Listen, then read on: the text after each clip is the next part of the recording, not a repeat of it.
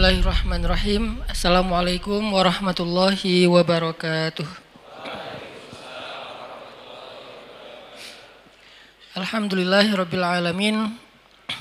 Nahmaduhu wa nasta'inuhu wa nastaghfiruh. Ashhadu an la ilaha illallah wahdahu la syarika lah wa ashhadu anna Muhammadan abduhu wa rasuluh. Allahumma salli wa sallim wa barik ala sayyidina wa habibina wa maulana Muhammadin wa ala alihi wa sahbihi wa man tabi'ahu ila yaumiddin. Radina billahi rabba wa bi Muhammadin nabiyya wa bil islami dina. Rabbi syrah li sadri wa yassir li amri wahlul 'uqdatan min lisani yafqahu qawli. Teman-teman uh, yang setia mengikuti kajian rutin kita Rabu malam. Terakhir kali beberapa pekan yang lalu, berapa pekan sih? Dua pekan ya? Dua Rabu yang lalu kita membahas tentang keajaiban doa. Dan waktu itu kita mengangkat kisah Nabi Musa alaihissalam yang disebutkan di dalam surat Al Al-Qasas. E, malam ini kita akan lanjutkan karena waktu itu kalau nggak salah kita baru saja membuka dengan e, cerita Musa di usia remaja atau Musa di usia muda. Sebagaimana yang kita tahu bahwa kisah para nabi yang paling banyak diangkat oleh Al-Quran di banyak surat dalam jumlah ayat yang panjang-panjang salah satunya adalah Nabi Musa alaihissalam.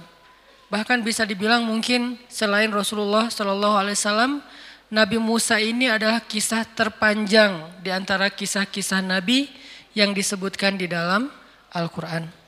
Bahkan lebih panjang daripada kisah Nabi Ibrahim alaihissalam. Lebih panjang daripada kisah Nabi Adam alaihissalam. Nih nabi-nabi yang kisahnya panjang di Al-Quran. Ibrahim, Adam, uh, Zakaria, Yusuf alaihissalam. Kalau Yusuf dikhususkan di satu surat, tapi kalau Nabi Musa alaihissalam disebutkan di banyak surat. Dengan periode atau episode yang berbeda-beda. Misalnya disebutin di dalam surat Al-Baqarah itu episode Nabi Musa setelah revolusi.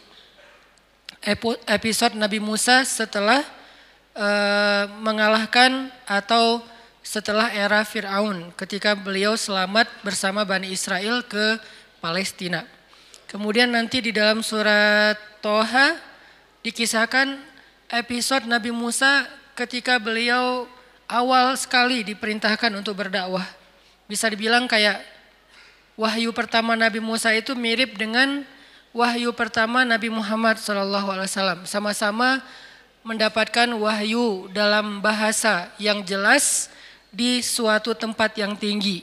Kalau Nabi Muhammad di Jabal Nur, Gua Hira, kalau Nabi Musa di Jabal Tursaina atau di Mesir.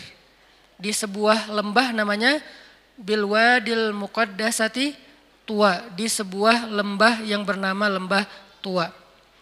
Kemudian nanti di surat Al-Qasas Allah mengisahkan Nabi Musa episode beliau bayi dan juga episode ketika beliau remaja sampai beliau menikah yang tadi yang nanti akan kita bahas.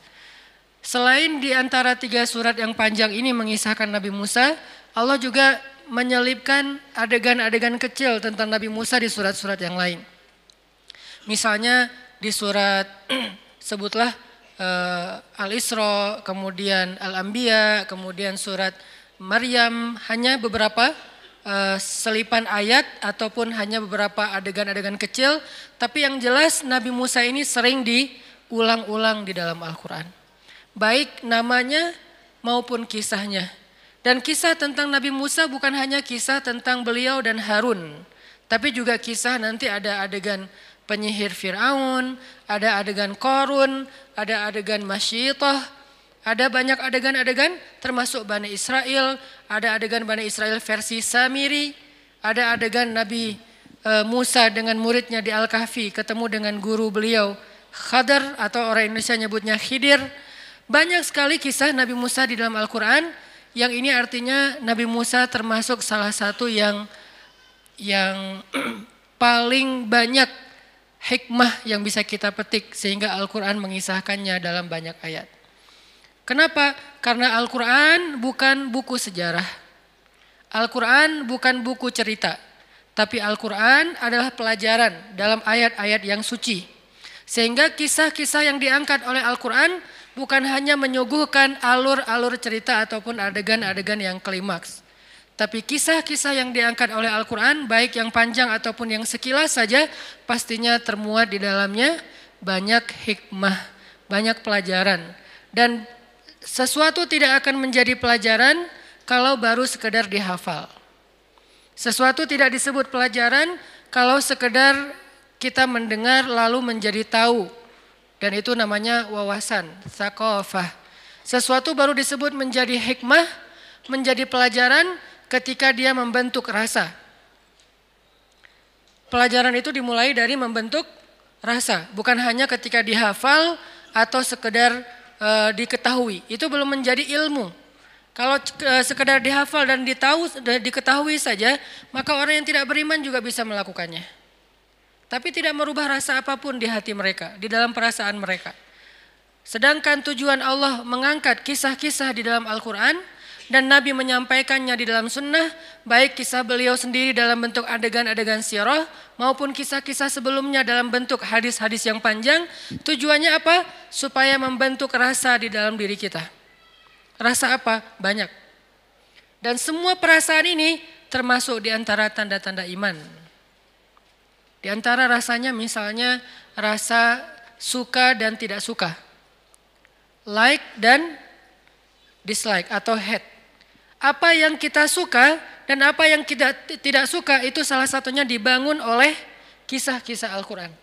Sehingga kalau kita membaca kisah Nabi Musa lalu menjadi suka, jadi respect dengan kebaikan-kebaikan yang ditirukan oleh Nabi Musa, yang diajarkan oleh Nabi Musa, yang dicontohkan oleh Nabi Musa, berarti kita sudah mengambil pelajaran di situ.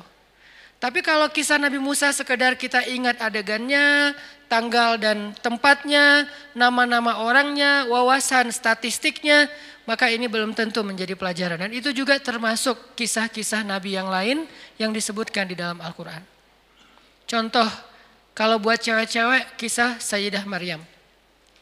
Yang juga termasuk salah satu kisah paling panjang di Al-Quran. Bahkan sampai menjadi nama surat, suratu Maryam. Apa rasa yang dibangun lewat kita membaca kisah Maryam? Kalau kita hanya sekedar, oh Maryam itu orang Palestina. Oh Maryam itu anaknya Imron. Oh Maryam itu ibunya Isa. Oh Maryam itu ponakannya Zakaria. Oh ayah e, ibunya Maryam itu sama e, ibunya Yahya itu adik kakak. Ini wawasan wawasan sejarah, sejarah belum menjadi ilmu sejarah. Terus apa yang dimaksud dengan ilmu sejarah? Ketika kisah Maryam itu membangun rasa dalam diri kita. Rasa apa? Minimal kita respect sama Sayyidah Maryam. Sehingga kita pengen wannabe, pengen jadi kayak Maryam buat cewek-cewek. Ah saya respect banget sama Maryam. Saya kayak ngefans banget sama Sayyidah Maryam. Kalau udah ngefans, Kemudian kita pengen jadi seperti Sayyidah Maryam dalam beberapa adegan hidup kita kayak misalnya Maryam ini kan terkenal sebagai perempuan cewek yang sangat menjaga kehormatan ya. Sepanjang hidup beliau eh, Allah takdirkan gak punya suami. Bisa dibilang salah satu ikon jomblo visabilillah. Kenapa ada kata-kata visabilillah? Karena menjaga diri dalam masa kesendirian kan. Karena ada yang visabilillah ada yang nggak visabilillah gitu. Kalau yang nggak visabilillah kayak misalnya pacaran, kemudian nauzubillah dia mendekati zina, ada yang sampai berbuat zina, ada yang berulang kali, ada yang selingkuh, ada yang zinanya sebelum menikah, ada yang bahkan setelah nikah. Ini kan nggak visabilillah ya. Tapi kalau yang visabilillah dia sih sendiri, single. Mau bilang jom nggak kayak gimana gitu. Dia single gitu lah ya, dia sendiri, tapi dia tetap mampu menahan uh, dirinya, menahan hawa nafsunya, sampai menjadi seorang perempuan yang terjaga kehormatannya.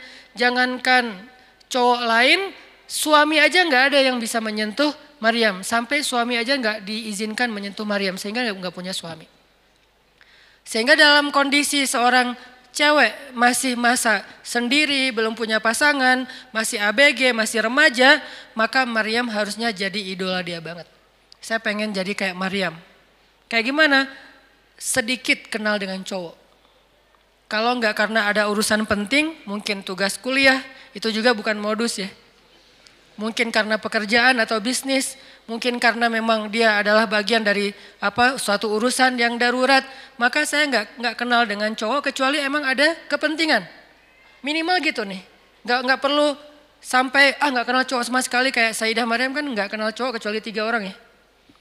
E, pamannya, kalau ayahnya kan emang nggak kenal karena meninggal sebelum Maryam lahir. Pamannya, anaknya, ponakannya, Zakaria, Isa dan Yahya. Cuman itu doang yang dikenal oleh Sayyidah Maryam. Jadi kalau kita periksa list kontaknya tuh nama cowok cuma ada tiga. Mungkin kita nggak harus sesaklek, pokoknya nggak boleh lebih dari tiga ya. Kenapa? Soalnya Maryam cuma tiga, nggak gitu-gitu amat juga sih. Setidaknya pelajarannya di sini saya nggak mau kenal cowok kecuali ada kebutuhan yang memang penting, yang memang apa ada ada maslahatnya. Itu juga dengan menjaga batasan. Kemudian nanti dengan cowok itu nggak terlalu berlebihan, nggak terlalu apa dekat, nggak curhat kepada cowok sampai seganteng apa pun cowoknya, sebaik apa pun cowoknya dia nggak kayak nggak akrab gitu. Kayak Maryam dengan Jibril. Jibril kan ketika turun menemui Maryam, fatamassalaha basyaron sawiya. Jibril menjelma sebagai seorang basyaron sawiya, cowok keren. Itu namanya terjemah tus syabab, terjemah anak muda. Yang mungkin sebagian dai tidak berani menerjemahkan Al-Quran dengan terjemah anak muda. yang nggak apa-apa lah, mungkin jadi yang agak unik atau aneh mungkin lebih tepatnya. Terjemah tusya, syabab terhadap Al-Quran. Apa arti basyaron sawiyah? Kalau terjemah Quran yang baku itu laki-laki yang sempurna. Bahasa kita apa? Cowok ke keren. Karena ideal, sempurna banget. Enggak berlebihan, enggak juga pas-pasan. Kalau berlebihan misalnya hidungnya terlalu mancung sampai miring gitu kan ya. Ini nih berlebihan. Enggak juga hidungnya terlalu tawadu gitu. Ini Jibril fatamatsalalaha basyaron sawiya. Jibril itu jadi cowok keren. Arti cowok keren ideal banget. Hidungnya ideal, matanya ideal, alisnya ideal, rambutnya ideal gitu nggak tahu ya, cuman beberapa cerita tentang rambut Nabi, rambut Nabi Isa, Nabi Muhammad kan rata-rata rambut sepundak ya, dan ada agak-agak ikal kan. Mungkin kalau genrenya agak-agak reggae gitulah kalau di anak muda. Gitu. Jadi keren gitu. Nah Jibril datang menemui Maryam menjadi seorang cowok keren. Bukan wujud aslinya Jibril. Kenapa nggak dengan wujud asli aja? Yang pernah melihat Jibril dengan wujud asli itu sedikit. Salah satu di antara yang sedikit di antara manusia cuman Rasulullah Sallallahu Alaihi Wasallam itu juga dua kali menurut sebagian besar riwayat dua kali doang. Sisanya Nabi kalau ketemu Jibril tadi jadi cowok keren. Saking kerennya Jibril, Umar aja terheran, terheran. Umar itu agak idealis dan punya standar yang tinggi tentang cowok keren. Itu Umar. Buat dia cowok keren itu harus gagah, harus keker, harus tinggi, ininya bahunya bidangnya tuh harus lebar. Cowok keren dalam standar Umar itu tinggi. Jadi susah untuk disebut keren di mata Umar. Tapi Jibril bikin Umar nggak berkedip. Eh, kira-kira sekeren apa nih Jibril? Bikin Umar nggak berkedip ketika Jibril datang sebagai cowok keren, lalu duduk di depan Nabi dengan pakaian yang bersih, rapi, nggak ada leceknya sedikit pun. Sampai Umar komennya, kami nggak kenal dia, seolah-olah dia bukan orang Madinah. Tapi di pakaiannya nggak ada bekas-bekas safar. Arti nggak ada bekas safar itu nggak ada leceknya. Kita kan naik motor juga bukan cuma baju yang lecek sampai muka juga lecek gitu kan ya. Kenal pot lah, apalah. Saya saya juga suka ngelihat gitu. Kalau saya sering naik motor, memotoran beberapa hari, akhirnya muka saya kenapa saya jadi agak-agak susah diedit gitu teh. Kalau biasanya naik mobil karena misalnya mungkin gak terlalu macet naik mobil masih bisa lah pakai kamera depan gitu kan ya. Tapi kalau pakai motor kamera depan juga nggak bisa. Artinya lecek banget mukanya nih. Jadi kalau mau ngajar naik motor pasti udah lecek banget. Tapi Jibril alaihissalam datang dengan pakaian yang tidak lecek apalagi wajahnya. Pakaian aja yang gampang kusut, nggak kusut sama sekali. Nggak ada bekas lipatan sedikit pun di pakaiannya seolah-olah dia bukan perjalanan jauh. Tapi kalau dia bukan perjalanan jauh, dia bukan orang setempat. Nggak ada yang kenal tetangga siapa ini orang, tinggal di sebelah mana. Karena nggak ada yang kenal, sehingga sahabat heran. Bukan orang sini, tapi nggak ada bekas-bekas perjalanan jauh. Jauh itu kan keren banget. Sehingga Umar dengerin aja, dia tiba-tiba duduk di depan Nabi, menautkan lututnya dengan lutut Nabi ketemu gitu ngobrol sama Nabi wajahnya berseri-seri dia tersenyum bertanya kepada Nabi sebutin apa Islam sebutin apa iman sebutin apa ihsan kapan terjadi kiamat apa tanda-tanda kiamat? Setiap dia bertanya dia membenarkan. Dia bertanya dia membenarkan. Sampai setelah itu dipeluk Rasulullah oleh eh, laki-laki itu dia pun pergi. Sahabat masih diam aja. Mereka takjub melihat ini cowok keren banget. Nggak tahu di situ ada ada cewek-cewek atau enggak? Kebayang kalau di zaman sekarang Jibril turun, wah. bisa pingsan. Yusuf aja bisa pingsan apalagi J, Jibril. Karena Yusuf gantengnya ganteng-ganteng Nabi. Kalau Jibril ganteng-ganteng malaikat. Kebayang gak tuh gimana gantengnya? Nah cowok sekeren Jibril datang ke dalam sebuah mihrab.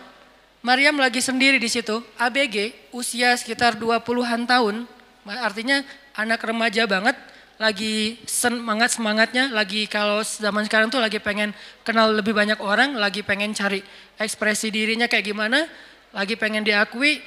Usia 20-an tahun, dia lagi duduk sendiri di sebuah kamar, tempat dia beribadah, tiba-tiba datang cowok keren, kerennya keren malaikat, bukan keren para nabi lagi.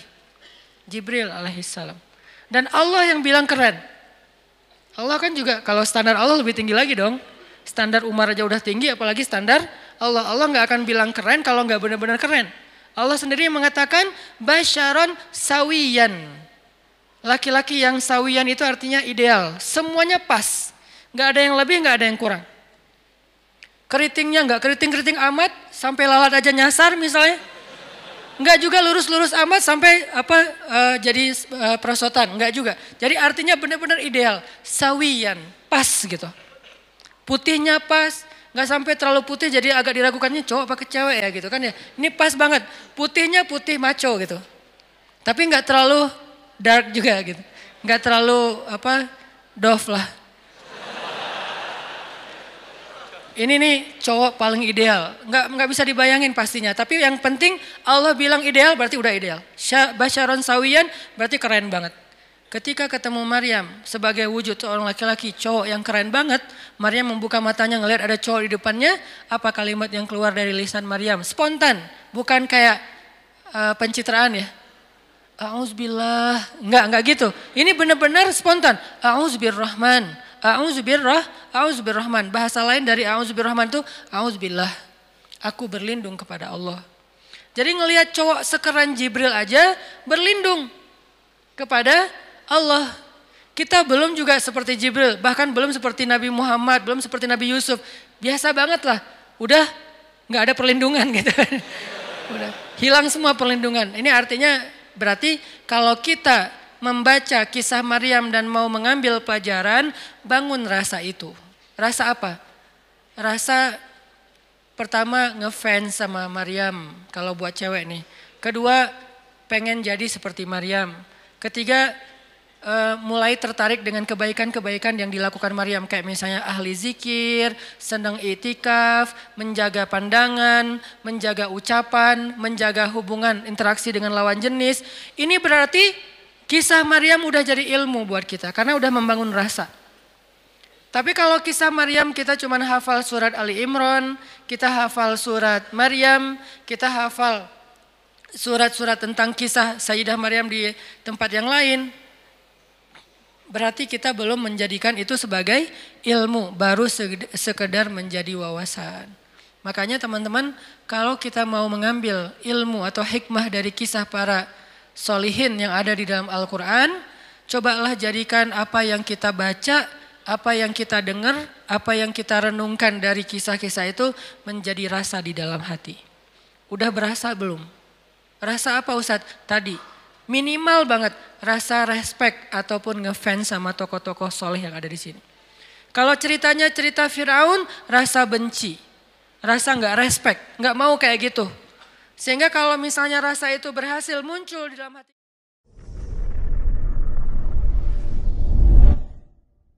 Saking kerennya Jibril, Umar aja terheran, terheran.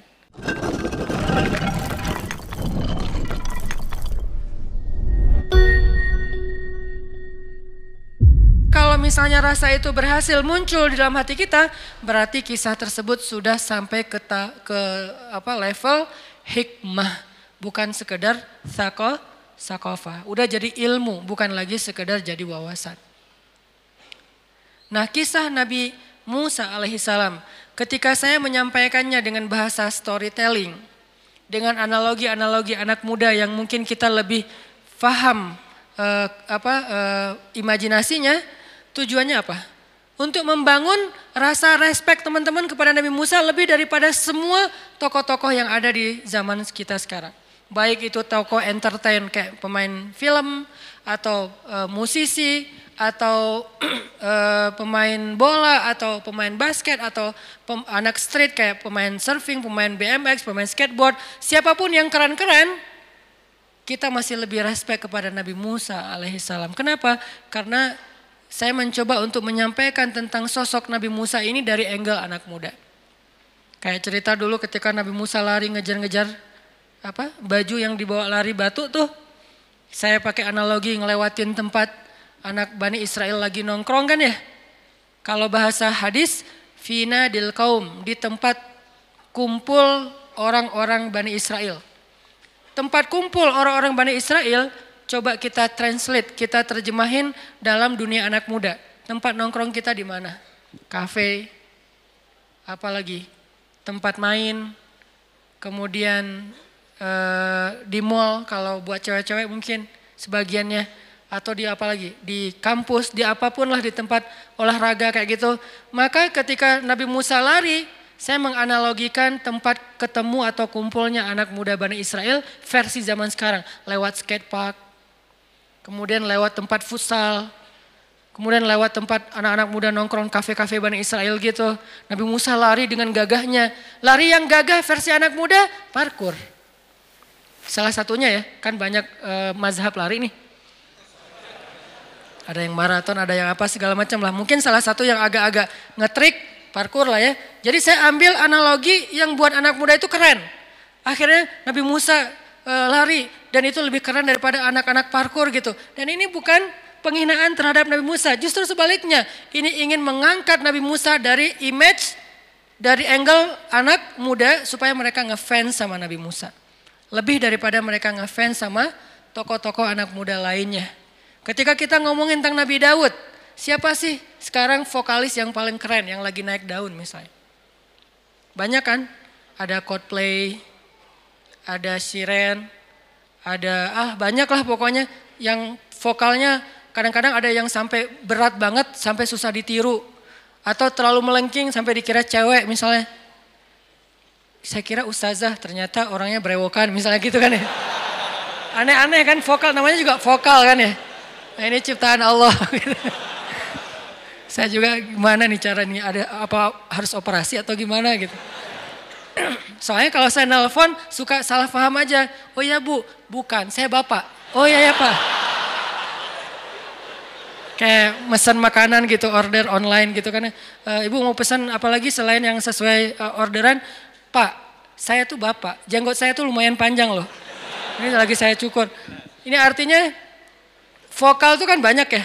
Kalau kita ngefans sama seorang vokalis yang keren banget vokalnya, yang mungkin dia apa suaranya ngebas banget, gede banget, sampai susah ditiru. Mungkin kalau di Indonesia ada Iwan Fals yang banyak orang pengen vokal kayak dia, ada Roma Irama yang orang pengen kayak dia, ada Ebit GAD, sesuai genre lah, sesuai mas mazhab. Ada yang mazhabnya mungkin tentang uh, renungan, Ebit. Ada yang mazhabnya tentang nasyid, Opik. Ada yang mazhabnya anak-anak street, uh, Iwan Fals. Ada yang mazhabnya mungkin, kalau saya mungkin agak dulu seneng ngikutinnya kayak apa Ari Lasso gitu yang agak-agak mirip gitu kan. Cie. Mirip dari sebelah mana Ustaz? Kalau recordernya rusak baru mirip. Artinya siapa sih yang di antara vokalis yang kita ngefans banget? Daud lebih keren dari itu. Makanya saya bilang vokalis legend. Vokalis terbaik. Ini adalah terjemah anak muda. Ini storytelling. Gimana cara kita menyuguhkan sebuah kisah yang goalsnya adalah memunculkan rasa di dalam hati kita. Bukan sekedar tahu. Kalau saya menyampaikan kisah para ambia tanpa pakai imajinasi youth, imajinasi anak muda, nggak pakai konsep storytelling, teman-teman mungkin tetap tahu tentang dunia para ambia, tapi tidak muncul rasa. Kayak, oh kayak kita banget ya. Pas cerita tentang Sayyidah Aisyah, uh, apa? Kalau saya bilang uh, Aisyah itu anaknya luar biasa. Jadi kayak ngomongin teman yang keren gitu. Tapi kalau saya bilang Aisyah itu adalah perempuan, kesannya kayak udah tua. Padahal Aisyah seorang perempuan yang masih muda. Ini cara storytelling supaya muncul rasa. Moral of the story-nya apa teman-teman? Kalau kita baca atau mendengar atau menelaah kisah-kisah keren yang ada di Al-Quran dan hadis ataupun sirah ataupun hayatus sahabah, coba coba imajinasikan sampai muncul rasa ngefans kita dengan mereka. Kalau belum ngefans, berarti itu baru sekedar menjadi wawa, wawasan. Berapa banyak orang gara-gara nonton film Hollywood, dia pengen jadi seperti aktor Hollywood. Berapa banyak orang gara-gara nonton bola, dia pengen jadi seperti pemain yang terkenal di antara pemain bola. Sampai pengen ketemu lah, pengen dapat tanda tangan. Ada cewek-cewek yang bahkan nangis sekedar dapat tanda tangan dari misalnya uh, seorang pemain bola Inggris yang keren gitu pas dikasih tanda tangan dia nangis dan terus kayak seharian shock gitu. Kenapa bisa dapat rasa itu? Karena berhasil disuguhkan dengan imajinasi ataupun dengan image yang yang bagus. Nah, sekarang yang kurang dari cerita-cerita Al-Quran dan cerita Nabi e, di dalam sirah, kita nggak bisa menyuguhkannya dengan konsep storytelling yang baik, sehingga orang kayak boring dengerin kisah-kisah yang luar biasa ini. Padahal kisahnya lebih menarik, kisahnya lebih baik lagi, lebih banyak pelajarannya. Cuman karena dikisahkan dengan bahasa riwayat, dan kita bukan seorang penuntut ilmu yang pengen jadi ulama besar. Sehingga bukan riwayat buat kita yang paling penting. Tapi bagaimana kisah itu disuguhkan supaya menarik buat kita. Kalau dia seorang ulama, calon ulama, memang dia butuh pengetahuan tentang riwayat. Dari mana kisah ini, siapa yang menyampaikan, kamu dapat dari siapa, yang ini dapat dari siapa, yang itu dapat dari siapa. An, dari, dari, dari panjang kan. Tapi kan kita bukan mencari itu. Selama ini adalah kisah yang benar, riwayatnya bukan palsu, kalaupun doif sebagian ulama masih membolehkan, yang pasti bukan palsu, maka tidak perlu kita juga terlalu panjang menyampaikan riwayatnya, cukup adegannya saja. Dan dulu saya lumayan serius mempelajari tentang penulisan sastra, nulis novel, nulis cerpen, bahkan sempat jadi juri penulisan novel dan cerpen, eh, walaupun bukan juri yang event besar, tapi maksudnya dipercaya jadi juri karena emang e, sering nulis, sering kayak apa ngasih sharing tentang penulisan, tentang storytelling. Akhirnya saya mencoba menggunakan e, sedikit ilmu itu dalam menyampaikan kisah-kisah para nabi, kisah para sahabat, supaya akhirnya kita bisa mengimajinasikan seberapa keren tokoh-tokoh soleh ini. Termasuk Nabi Musa alaihissalam. Nah, udah azan? Azan ya? Atau lagi latihan?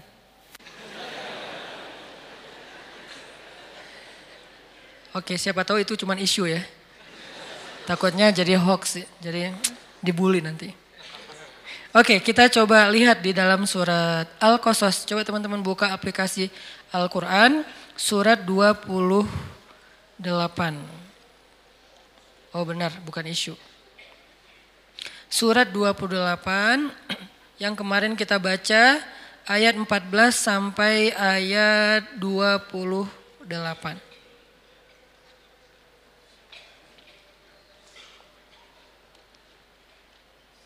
Oke. Isya nanti kita takhirkan. Sekarang kita azan dulu aja. Kita dengarkan azan, setelah itu kita lanjutkan taklimnya. Silakan muazin. Baik teman-teman, coba kita perhatikan surat Al-Qasas, surat 28 dari ayat 14 sampai ayat 28.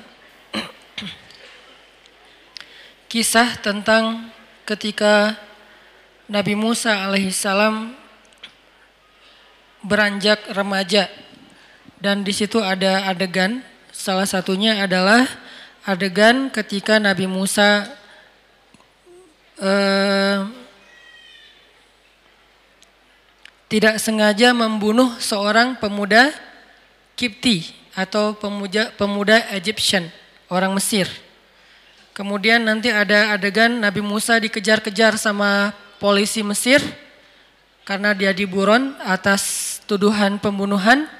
Kemudian Nabi Musa sembunyi di dalam kota, tidak pulang ke rumah. Hari kedua ketika dalam keadaan sembunyi, Nabi Musa melihat lagi seorang pemuda Bani Israel sedang dipukulin, sedang mau dipukulin oleh seorang pemuda Egyptian yang lain, orang Kipti yang lain. Lalu eh, laki-laki Bani Israel ini berteriak meminta tolong kepada Musa. Ketika Musa mendekat, orang Egyptian itu eh, apa? Dia mencoba mengingatkan Musa tentang kejadian kemarin. Lalu datang seorang laki-laki yang tidak disebutkan namanya memberi Musa nasihat untuk keluar dari Mesir. Kenapa? Karena semua tentara, semua polisi lagi mencarimu Musa kayak bisa bisa dibilang nggak aman lagi buat Musa tinggal di Mesir. Akhirnya Musa pun keluar dari Mesir dan nggak tahu mau pergi ke mana. Pokoknya jalan aja. Musa belum pernah keluar negeri, Musa nggak punya keluarga di luar negeri, Musa nggak punya guide untuk jalan ke luar negeri. Ini benar-benar kayak modal nekat. Jalan aja keluar dari Mesir. Sampai akhirnya Musa tiba di sebuah negeri yang di dalamnya ada orang solih, namanya negeri Madian, yang sekarang dikenal dengan nama Yordania.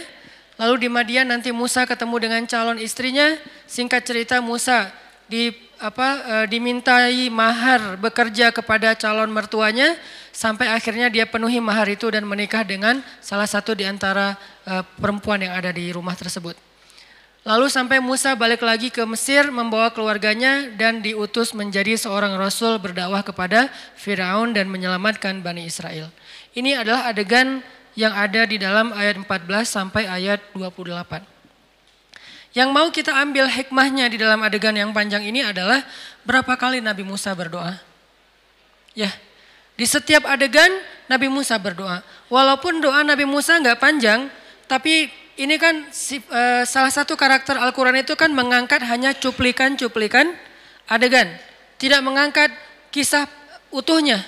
Karena tidak penting untuk menyampaikan sebuah alur cerita. Yang penting mau menyampaikan sebuah pelajaran. Nah cuplikannya adalah Nabi Musa berdoa. Dan ini artinya di setiap masalah Nabi Musa selalu meminta kepada Allah Subhanahu wa taala.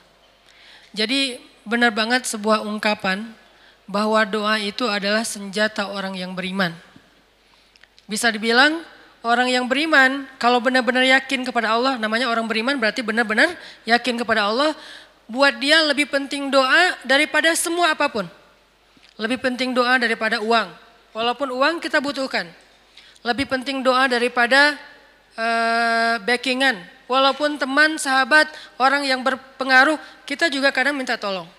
Lebih penting doa daripada senjata yang bentuknya senjata kayak senjata tajam, senjata api atau senjata untuk perlindungan kita. Lebih penting doa. Kenapa? Karena tidak ada yang lebih berkuasa daripada Allah Subhanahu wa taala.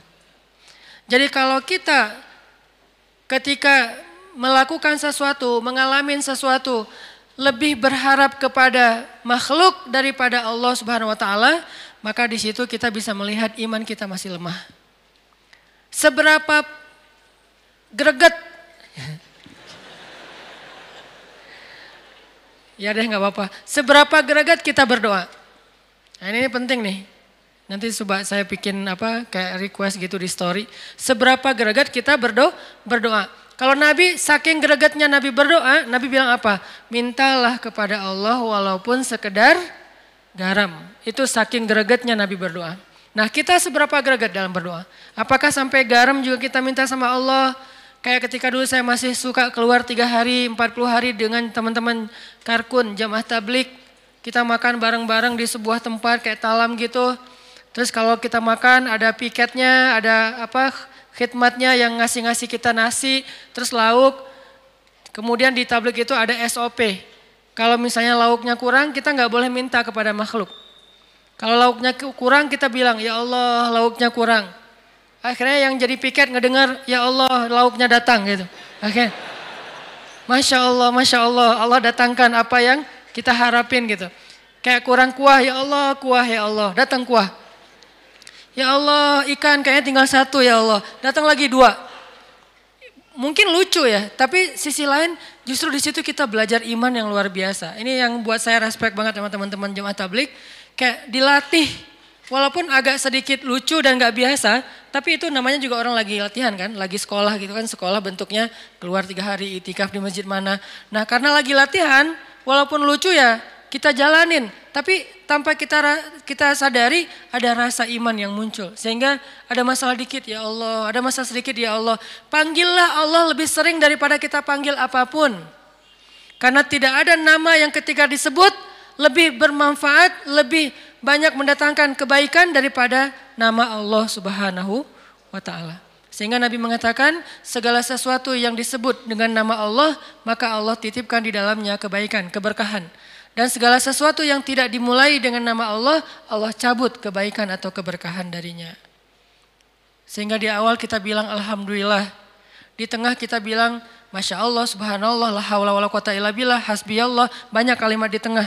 Di akhir kita bilang Alhamdulillah. Inilah kalimat yang selalu ada kata Allahnya di dalam. Allah, Rabbi, Ilahi, Maulaya atau Maulana dan seterusnya. Ini adalah kalimat-kalimat yang menunjukkan seseorang itu sangat mengandalkan Allah Subhanahu wa taala dan dia percaya itu lebih penting dari apa pun. Sehingga ungkapan doa adalah senjata orang yang beriman. Ini artinya buat orang yang beriman doa itu segalanya. Kayak orang kalau jalan ke tengah-tengah hutan dan dia bawa senjata, dia merasa tenang. Kita pergi ke hutan, kita bawa senjata. Mau binatang buas, mau perampok, cuman yang jurik doang nggak bisa ditembak ya. Oke lah senjatanya mungkin kalau yang orang nggak beriman salib gitu kan. Ketemu dengan uh, Dracula. Kalau kita mungkin nunjukinnya ada yang bawa Quran. Bukan dibaca untuk nunjukin ke bayang-bayang gitu kan ya. Ada bayangan ini Quran, ini Quran gitu kan ya. Ternyata dia tahsinnya udah tahsin tiga. Udah lancar tilawahnya. Ada yang baca ayat kursi kalau dia takut. Ternyata malah dibenerin itu matnya kurang lah apalah. Artinya kalau kita jalan ke hutan, kita kayak lagi camping, kita kalau lagi ke mana bawa senjata, senjatanya bisa apa aja. Sesuatu yang kita andalkan lah. Kayak kita keluar negeri bawa uang, bawa paspor, bawa kartu debit atau kartu kredit, bawa uang cash. Itu kan kayak tenang, handphone satu lagi yang penting. Itu kayak tenang banget kan ke mana-mana karena buat kita kayak handphone itu senjata. Kalau dulu, kalau dulu senjata orang itu keris atau rencong kalau di Aceh atau apa kayak parang atau samurai atau apa pun pedang. Kalau sekarang senjatanya handphone. Sehingga ada apa-apa yang pertama kali dia lakukan adalah spontan aja buka handphone. Hal sepele pakai handphone. Apa-apa googling. Sampai garam aja mintalah kepada Google walaupun sekedar garam. Garam aja tanya ke Google. Atau gula, gula yang sehat, warnanya apa, atau garam, atau cari mantan di Google. Semua orang jadi tahu gitu. Ini kenapa? Karena emang kita ngandelin handphone bah, banget, ngandelin googling banget. Kesasar buka Google. Sehingga kalau kita udah buka Google kita jadi tahu jalan balik. Nggak akan lagi terse, tersesat. Seolah-olah kita kayak mengamalkan wa wajadaka dhallan fahada dan kami temukan kamu dalam keadaan tersesat lalu Google menyelamatkan kamu. Ini kenapa jadi berubah ke Google? Kenapa bukan langit dulu? Bukankah satelit Allah lebih dahsyat daripada satelit Google? Tapi kalau gitu boleh nggak perlu pakai Google Ustaz atau nggak perlu pakai kayak aplikasi gitu atau apa pun bentuknya wazi atau apa pun boleh tapi itu ikhtiar. Kita bedakan mana ikhtiar, mana tawak, Tawakul, tawakal. Kita lagi bicara soal rasa. Bukan bicara tentang actionnya. Action dalam bentuk uh, apa uh, do somethingnya selain berdoa pastinya kita kayak cari cara sendiri, ikhtiar, cari solusi, cari jalan keluar. Itu hal yang manusiawi. Tapi jangan berpikir bahwa dia bisa benar-benar ngasih kita solusi. Seringkali mungkin karena dia robot ya, dia nggak bisa update setiap hari. Misalnya saya pernah jalan nih, pakai aplikasi kayak map gitu kan, jalan.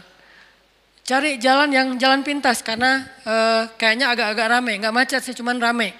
Ada jalan pintas nggak? Search gitu. Dita, dikasih tahu kalau mau jalan pintas lebih hemat 10 menit belok kiri. Pas dilihat, oh ya sepi. Ternyata kenapa sepi nggak ada mobil di situ? Lagi ada pengantenan. Dan jalan ditutup. Dan dia nggak tahu kalau jalan itu ditutup gara-gara ada orang yang bikin acara walimahan di jalan. Kalau di kampung-kampung kan walimahan gitu kan di jalan kan, di gang gitu. Ternyata pas kita sampai udah masuk sekitar setengah jam, jalan ditutup. Balik lagi akhirnya telat satu jam. Yang tadinya dia menjanjikan, itu kan hardcore, hardcore banget ya. Dia menjanjikan 10 menit lebih cepat, gara-gara ngejar 10 menit.